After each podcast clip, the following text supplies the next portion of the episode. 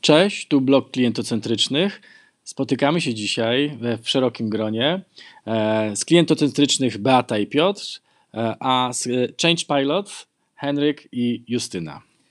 E, to jest wyjątkowa okazja, dlatego że będziemy dzisiaj mieli szansę porozmawiać z członkami naszej społeczności, społeczności klientocentrycznych, o tym, co i jak projektować dla ludzi, przez ludzi. Justyna. Co ty robisz, powiedz tak, na co dzień? E, cześć wszystkim. E, na co dzień w firmie Change Pilot zajmuję się projektowaniem i prowadzeniem procesów w sposób jak najbardziej kreatywny. A ja jestem Henryk, cześć i e, zajmuję się tą strategiczną częścią, czyli pełnym obrazem, doborem procesów, tak żeby pracować nad zmianą w sposób najbardziej skustomizowany, spersonalizowany do zadania, nad jakim pracujemy. Mm, super. My osobiście mieliśmy doświadczenie e, pracować z Henrykiem i z Justyną na kilku projektach i e, to było, e, to było niesamowite właśnie doświadczenie dla nas jako, jako współpracowników, ponieważ doświadczenie Change Pilots to doświadczenie międzynarodowe. Henryk uczył się za granicą, w zasadzie mówi, że uczył się u źródła czyli, czyli w Stanach Zjednoczonych, e, tego projektowania kreatywnego. A razem mamy okazję, mieliśmy okazję właśnie wymieniać się tą wiedzą, którą przywiózł ze Stanów, ale też którą z Justyną nabywają pracując w różnych krajach. Dziś o tych różnych krajach będzie dużo. Tak, będzie dużo o różnych perspektywach i e, pierwsze pytanie E, do Henryka, e, ponieważ tak jak Piotr wspomniał, uczyłeś się u źródła, uczyłeś się w Stanach, uczyłeś się service design, uczyłeś się design thinking. Powiedz, dlaczego akurat wybrałeś taką uczelnię i czego cię nauczyło studiowanie w takim międzynarodowym środowisku? Ciekawe pytanie, dziękuję. E, rzeczywiście to, co mnie tam przyciągnęło, to ludzie i ta, tak też się zaczęło, że nie, nie wybrałem programu, w ogóle nie myślałem, że po raz kolejny będę E, pracować na uczelni, czy, czy, czy robić e, kolejnego magistra. E, okazało się, że poznałem bardzo fajnych ludzi, będąc w Nowym Jorku i zaprzyjaźniłem się z nimi. Okazało się, że są związani z firmą IDEO i z Parsons, szkołą wzorniczą. I to mnie um, przyciągnęło do, do tego środowiska. Tam zobaczyłem, jak, jak to jest pracować e, nie polegając na, na przeszłości, na jakichś utartych e, schematach, narzędziach, ale wykorzystywać dużo różnych podejść czy, czy narzędzi, które na przykład Design Thinking oferuje, żeby tworzyć scenariusze na przyszłość. Czyli bardzo siedzieliśmy w teraźniejszości i przyszłości. To mnie strasznie ekscytowało. Mhm. A kiedy to było? To w, w, Polsce było już design thinking? Czy? E, właśnie wtedy, jak e, wracałem ze Stanów, okazało się, że, że, że, że w Polsce to też jest temat, który, um, który, którego ludzie są spragnieni, a um, to było w 2015, jak e, właśnie stamtąd wracałem. A Justyna, ty jesteś e, absolwentką wyższej szkoły e, sztuk plastycznych, tak? Mhm. I co? I na co dzień pracujesz w biznesie, czyli to, to łatwo? Pogodzić te dwie dziedziny, sztukę um, i biznes? No tak, rzeczywiście studiowałam na Akademii Sztuk Pięknych we Wrocławiu um, i czuję, że właśnie um, tą kreatywność i sposób znajdowania niekonwencjonalnych rozwiązań, właśnie ta Akademia mnie tego nauczyła. I gdzieś na swojej ścieżce rozwoju, jak zaczęliśmy współpracować razem z Henrykiem, okazało się, że biznes bardzo tego potrzebuje że może niekoniecznie ma możliwości zobaczyć niektóre aspekty, tak jak widzi to kreatywność, czy no, osoby, które zajmują się tym na co dzień. Więc okazało się, że te dwie rzeczy można bardzo dobrze pożenić. Więc... I też tak zaczęliśmy pracować. Tak, tak. Okazało się, że Justyna widzi to samo z zupełnie innej perspektywy. I e, na początku mhm. e, nie, nawet nie wiedziałem, jak z tym pracować, aż udało nam się to połączyć właśnie w taki e, spójny, strategiczno-kreatywny um, łącz, łącznik, czyli właśnie proces, który łączył te dwa światy. Mm, Też tak, tak, zauważyliśmy, że, że często um, pełnimy tą rolę łącznika pomiędzy językiem i punktem widzenia biznesu i kreatywności. A Justyna właśnie to przyniosła ze świata um, artyzmu i projektowania. Justyna, mówiłaś o y, umiejętności połączenia sztuki z biznesem. Czy stąd właśnie narodził się pomysł konferencji, którą organizujecie podczas Gdynia Design Days, Design językiem biznesu? Mm, tak, y, cztery lata temu, bodajże może nawet pięć, em, zaczęliśmy współpracować z Centrum Designu Gdynia, e, gdzie rzeczywiście rozmawialiśmy na, na temat, jak projektowanie może e, wspomóc biznes i jak biznes może wspomóc projektowanie. I gdzieś rzeczywiście zobaczyliśmy, że jest taka luka na polskim rynku e, i my możemy lepiej to e, zagospodarować. I tak powstało wydarzenie Design Talks Business, który w tym roku będzie miał, miał piątą edycję, gdzie właśnie rzeczywiście staramy się lepiej komunikować wartości projektowania dla biznesu. I czy rzeczywiście biznes jest zainteresowany tym, co na tej konferencji się odbywa? E, Tak, z roku na rok mamy coraz więcej przedsiębiorców, właścicieli firm, właścicieli firm sukcesorów, e, więc widzimy, że to zainteresowa- zainteresowanie jest coraz większe.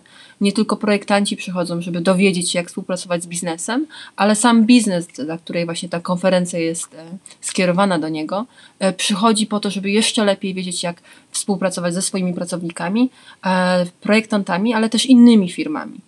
A co robiliście przez ostatnie 6 miesięcy? Słyszeliśmy, że dużo podróżowaliście, projektując w różnych krajach.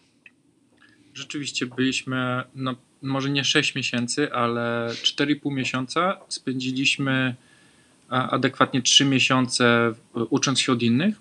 E, Byliśmy w Portugalii, e, w, w Istambule, w Helsinkach, w Eindhoven.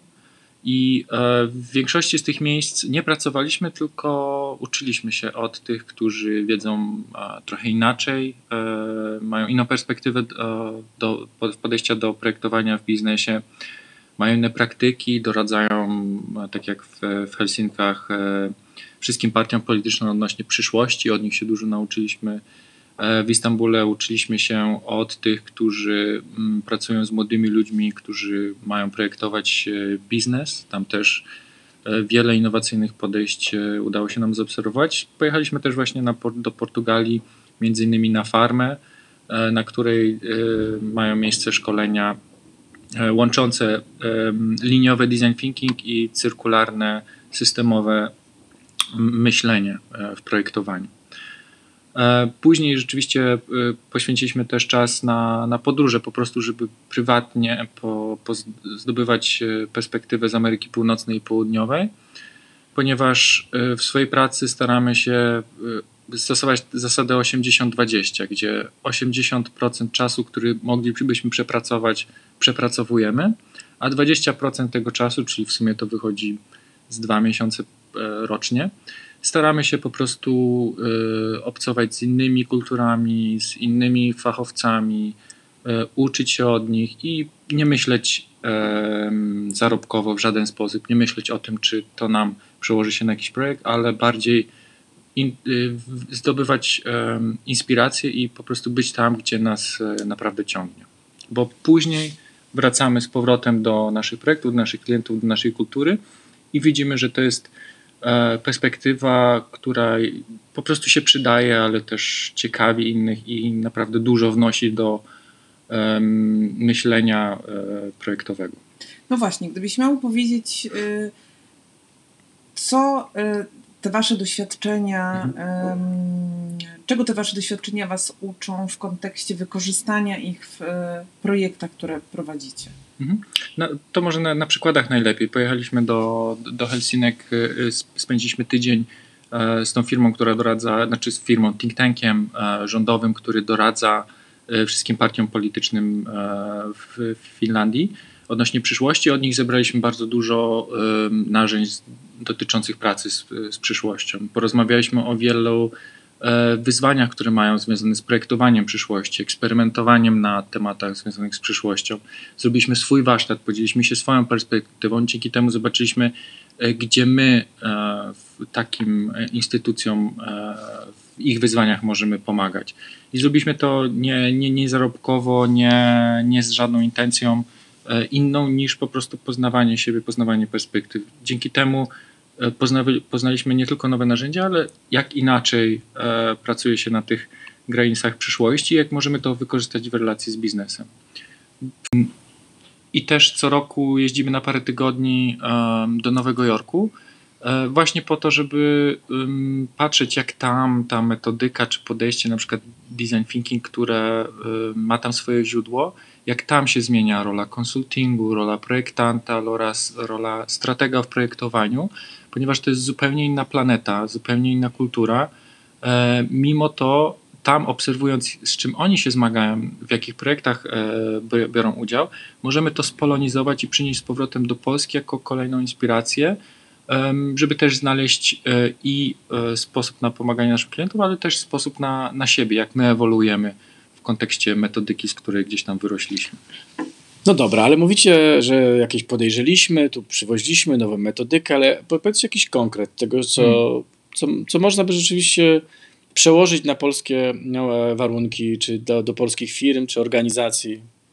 Myślę, że takim dobrym przykładem em, prostym może w opowiedzeniu jest myślenie systemowe, czyli myślenie e, pełnoobrazowe, które jest takim uzupełnieniem dla mnie myślenia e, design thinking, e, które ma e, świetną e, tendencję liniową, czyli krok po kroku e, analiza, a Y, myślenie systemowe ma taką syntezę, jakie są części składowe, wszystkie, co w, w, obszarze, w którym projektujemy, co na siebie wpływa, jakie są relacje, jak zmieniając jeden e, element, możemy rozwiązać problem, gdzie leży gdzieś indziej.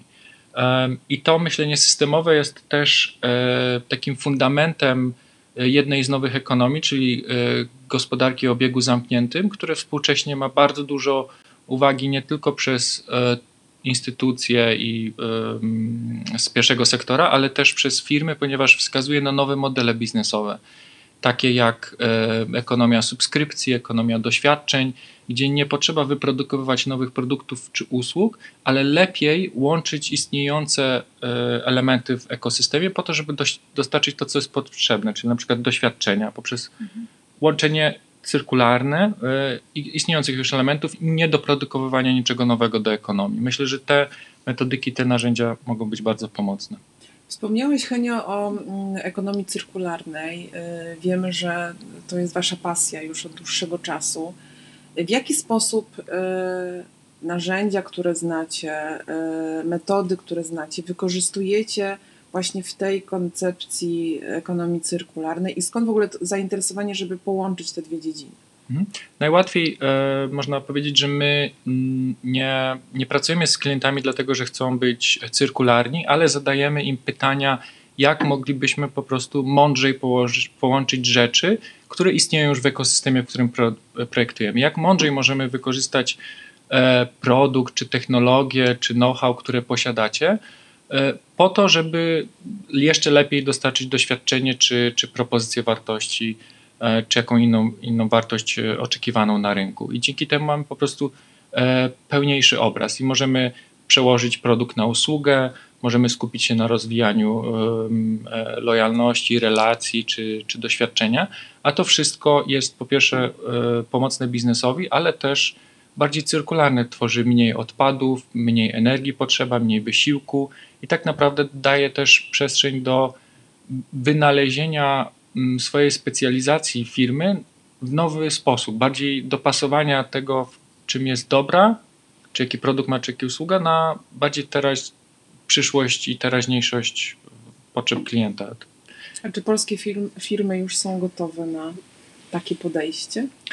E, polskie firmy, jeżeli widzą dla siebie wartość, to zdecydowanie są gotowe. Dlatego my nie mówimy, że e, chcemy zmieniać świat na bardziej cyrkularny, bardziej ekologiczny, bardziej odpowiedzialny, ale ponieważ nasza metodyka i nasza praca i też prywatne życie wywodzi się z myślenia o, o impakcie nie tylko e, finansowym, ale też ekonomicznym, też ekologicznym i społecznym, to zawsze zadajemy te pytania, zawsze stosujemy te metody, one dodatkowo pozwalają wytwarzać nowe modele biznesowe. No dobra, ale słuchajcie, to o co chodziło tak y, konkretnie w tym projekcie w Portugalii, który realizowaliście? E, mieliśmy przyjemność prowadzić projekt, który był realizowany w starej ceglarni, która była rewitalizowana, e, która miała być takim centrum e, zrównoważonego myślenia w, w regionie. 40 osób z różnych miejsc na, z miejsc na świecie przyjechało specjalnie po to, aby wspólnie myśleć, co można tam zrobić, jakie scenariusze przyszłości mogą tam zostać zrealizowane, aby jeszcze lepiej osobom, które tam mieszkało, mieszkały, mieszkają, pomóc. I to był projekt, który rzeczywiście nauczył mnie i nas osobiście, jak brać pod uwagę jak największą ilość interesariuszy, e, osoby, które rzekomo są właśnie wykluczone, jak ich e, z nimi produkować, ale też jak połączyć wiedzę specjalistów, którzy są z innych e, miejsc na świecie, właśnie w tym danym regionie, w regionie właśnie Odemira w Portugalii. Jakie były efekty tego projektu? E, na sam koniec um, mieliśmy cztery prototypy, które zostały um, przy, przy zaprezentowane e, szerszej e, społeczności i przedstawione właśnie przed zarządem tej nowej fundacji, organizacji, która będzie tam funkcjonowała. Więc to były projekty, które mówiły dużo właśnie o interak interakcji dzieci z regionu, e, farmerów, osoby, które zajmują się tam jedzeniem. E, były projekty, które zapraszały e, przedsiębiorców, osoby właśnie z miast Lizbony, aby prowadzić projekty właśnie w takim regionie. Były to realne rzeczy, możliwe do wdrożenia, tylko potrzebowały one rzeczywiście już później po, naszych, po naszej prezentacji realnego wdrożenia. Przykładowo, 10-dniowej intensywnej pracy e, czterech zespołów był innymi e, wiejski coworking mm, e, w tej, w tej fabryce, który mm, był dla ludzi przyjeżdżających między innymi z Lizbony na chwilę, na krótko bądź z okolicznych wsi.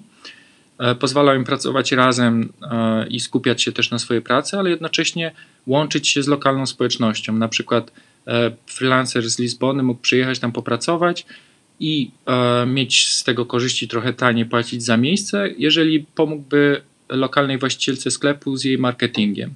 W kilka godzin, może jeden dzień e, i ma, tworzy to połączenie wartości pomiędzy dwoma osobami, które świetnie do siebie pasują.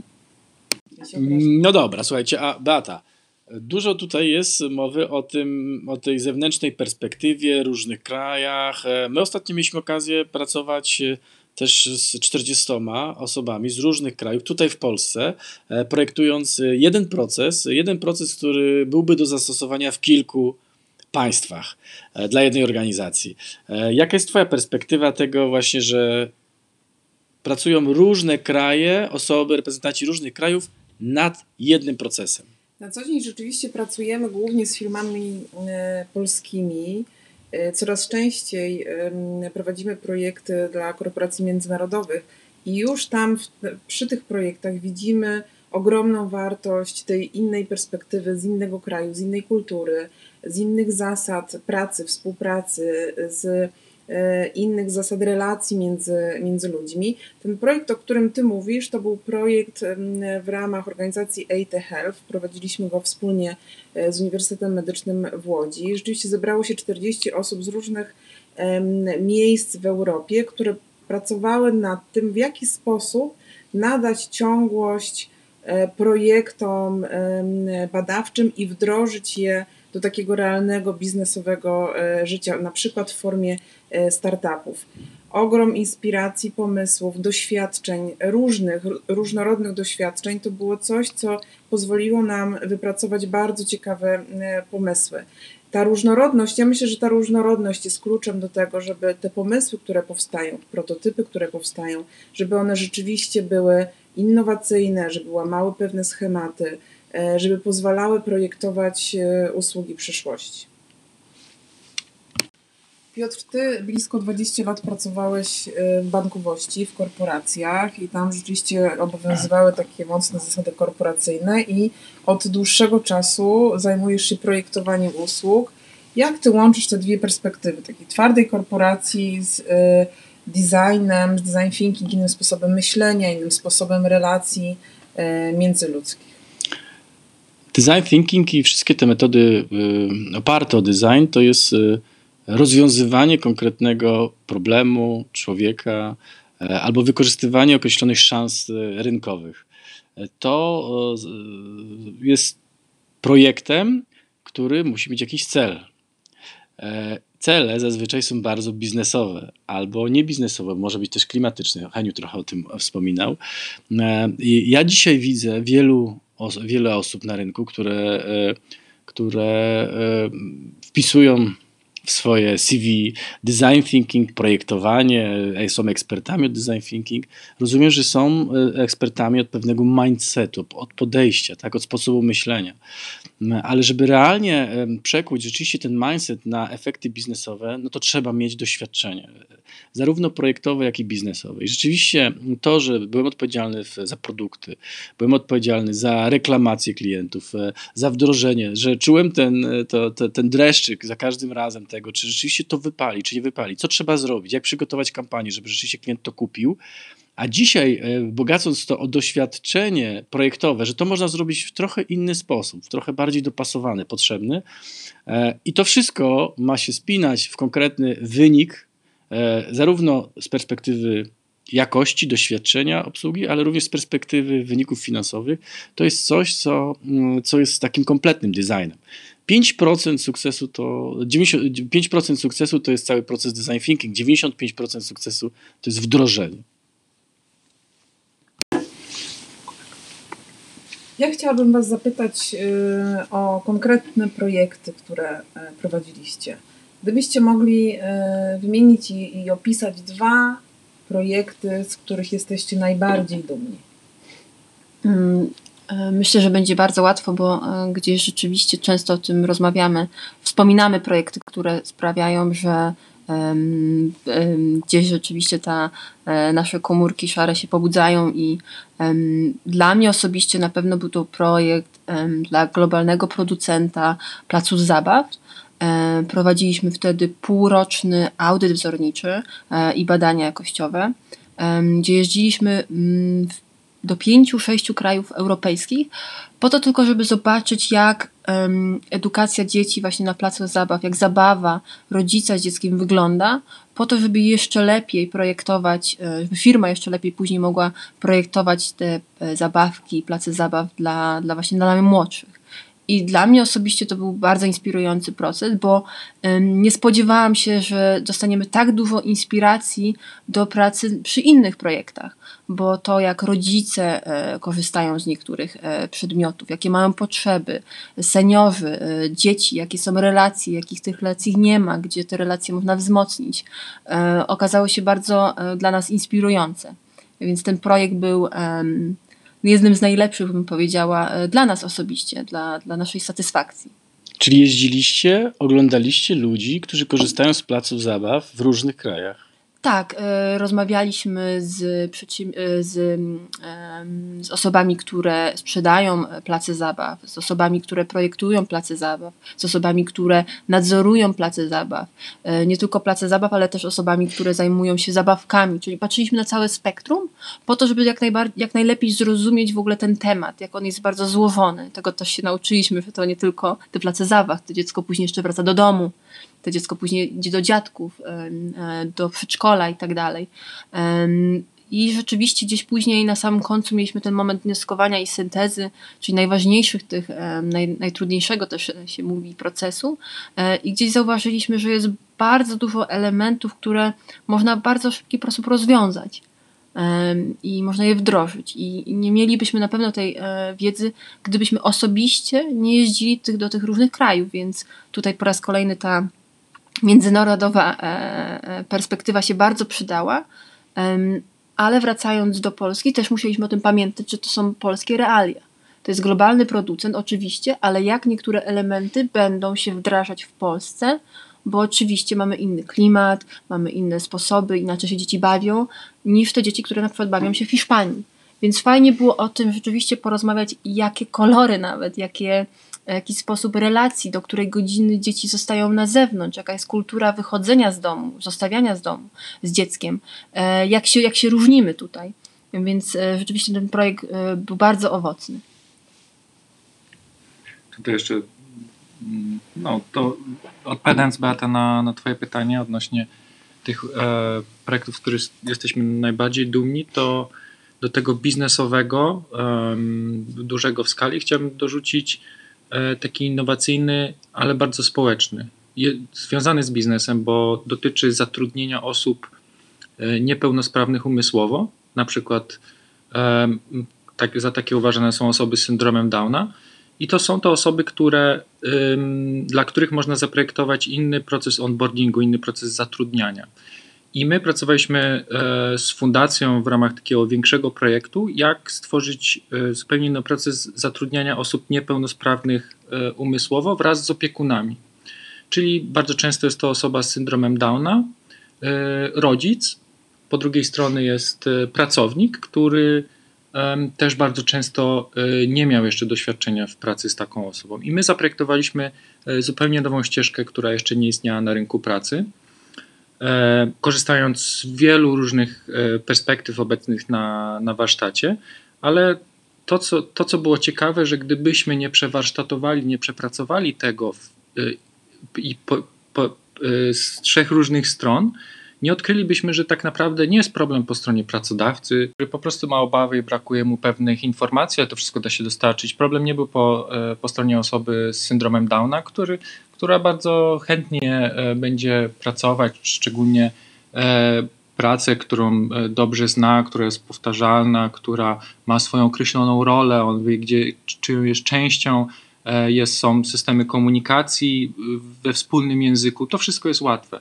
Najciekawsze było, że tak naprawdę jednym z głównych wyzwa wyzwań czy insightów była praca z opiekunem, bo to rodzic najtrudniej mu jest zostawić to dziecko same po tylu latach opieki, po tylu latach z wzrastaniem razem, zostawić samo w tej relacji z pracodawcą, więc zaprojektowaliśmy proces wysprzęglania e, rodzica z tego procesu, tak żeby mu dać bezpieczeństwo, żeby był obecny na początku w takim tandemie, czyli zatrudnia się dwie osoby i stopniowo projektuje się moment, kiedy ten rodzic wychodzi z tej relacji między pracodawcą. Bo on na początku jest potrzebny, ale później staje się za bardzo adwokatem, staje się za bardzo e, tłumaczem i tak naprawdę przeszkadza w usamodzielnieniu się tej osoby na rynku pracy. I to było jednym z głównych e, rzeczy, które gdybyśmy gruntownie i szczerze, transparentnie nie przewarsztatowali, to moglibyśmy pominąć ten kluczowy element. A czy ten projekt został wdrożony? Jest, on był on był na procesie, e, w którym warsztatowaliśmy, on był przygotowany tak, żeby można było go testować pod konkretną już lokalizację. I on e, właśnie przechodził pod koniec zeszłego roku e, kolejne fazy testu i na pewno będzie w kolejnej iteracji polepszany. E, ja chciałbym zapytać jeszcze, słuchajcie, Was o, o, perspektywę e, Polski i e, tego, co dzieje się u nas, jeśli chodzi o projektowanie. Jesteście tam 4-6 miesięcy, miesięcy za granicę, podróżujecie w różnych krajach, spotykacie różnych ludzi, spotykacie się z otwartością i widzicie, później przyjeżdżacie do Polski i czy różni się polskie projektowanie od tego, co, co jest za granicą? Czy podejście biznesowe być może się różni? Czy efekty pracy są różne? Czy narzędzia? Jak to widzicie ze swojej perspektywy? Zdecydowanie się różni kulturowo. Polska kultura jest czymś zupełnie innym niż e, na przykład e, Nowy Jork. Um, tam jest to podejście yes, yes we can, yes you can tutaj, e, a tutaj jest bardziej podejście mm, e, szukania, co nie działa, gdzie jest zagrożenie, co nam może przeszkodzić, ale to, to jest tylko takie zestawienie, żeby i to nie jest tak, że w Nowym Jorku jest lepiej, a, a w Polsce jest trudniej. Po prostu inny jest fokus na inne rzeczy. I ostrożność, uważność, szukanie problemów to też jest coś, z czym możemy pracować. Znajdywanie problemów, nazywanie ich i odpowiednie przeskoczenie, zobaczenie, że problem to potencjał, to jest z czymś, z czym możemy pracować w Polsce. Do tej pory w Polsce problem był raczej zagrożeniem, e, coś, co się eliminowało, e, czegoś się nie próbowało, dopóki nie było to potwierdzone. My dzięki tej perspektywie, na przykład e, amerykańskiej, możemy ten problem obrócić w korzyść to identyfikację zagrożeń e, możemy e, obrócić w dyskusję i proces, który jest bardzo potrzebny e, w procesie projektowym. Więc de facto nasze nawet uważane teoretycznie za przywary są też bardzo często przewagą w procesie, jeżeli odpowiednio zaadresowane. E, ja osobiście e, nadbudowując, co Henryk powiedział, rzeczywiście tak jest. Jeszcze wyczuwam pewną niepewność i może nie taką skromność tutaj właśnie na polskim rynku, gdzie rzeczywiście jak są jakieś różne procesy czy warsztaty, które prowadzimy, e, to czasami więcej czasu musimy poświęcić, żeby zachęcić czasami warsztatowiczów, żeby e, dać się właśnie ponieść tym emocjom, e, tym, tym, tą kreatywnością, e, żeby tutaj pogdybać, że nie bać się po prostu, że nie ma w ogóle nawet jakichś ram czasami. A gdzieś właśnie za granicą mam wrażenie, że może ze względu na dostęp czy na sposób edukacji, osoby, które biorą udział w warsztatach czy z nimi pracujemy, bardzo mają otwartą głowę i bardzo chętnie wchodzą w taką właśnie takie wizje, w takie jakby, a co gdyby, a co jeśli, co by się stało i że to rzeczywiście ta wyobraźnia u nich jest bardzo mocno wykształcona.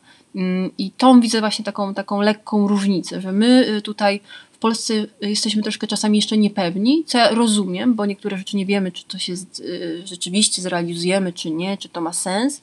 Mm, I to może dlatego też, że ja się wywodzę z, z właśnie z dziedzin kreatywności. Życzę sobie, żeby było więcej tych właśnie takich górnych lot, e, właśnie lotów, takich bardzo czasami wymarzonych projektów.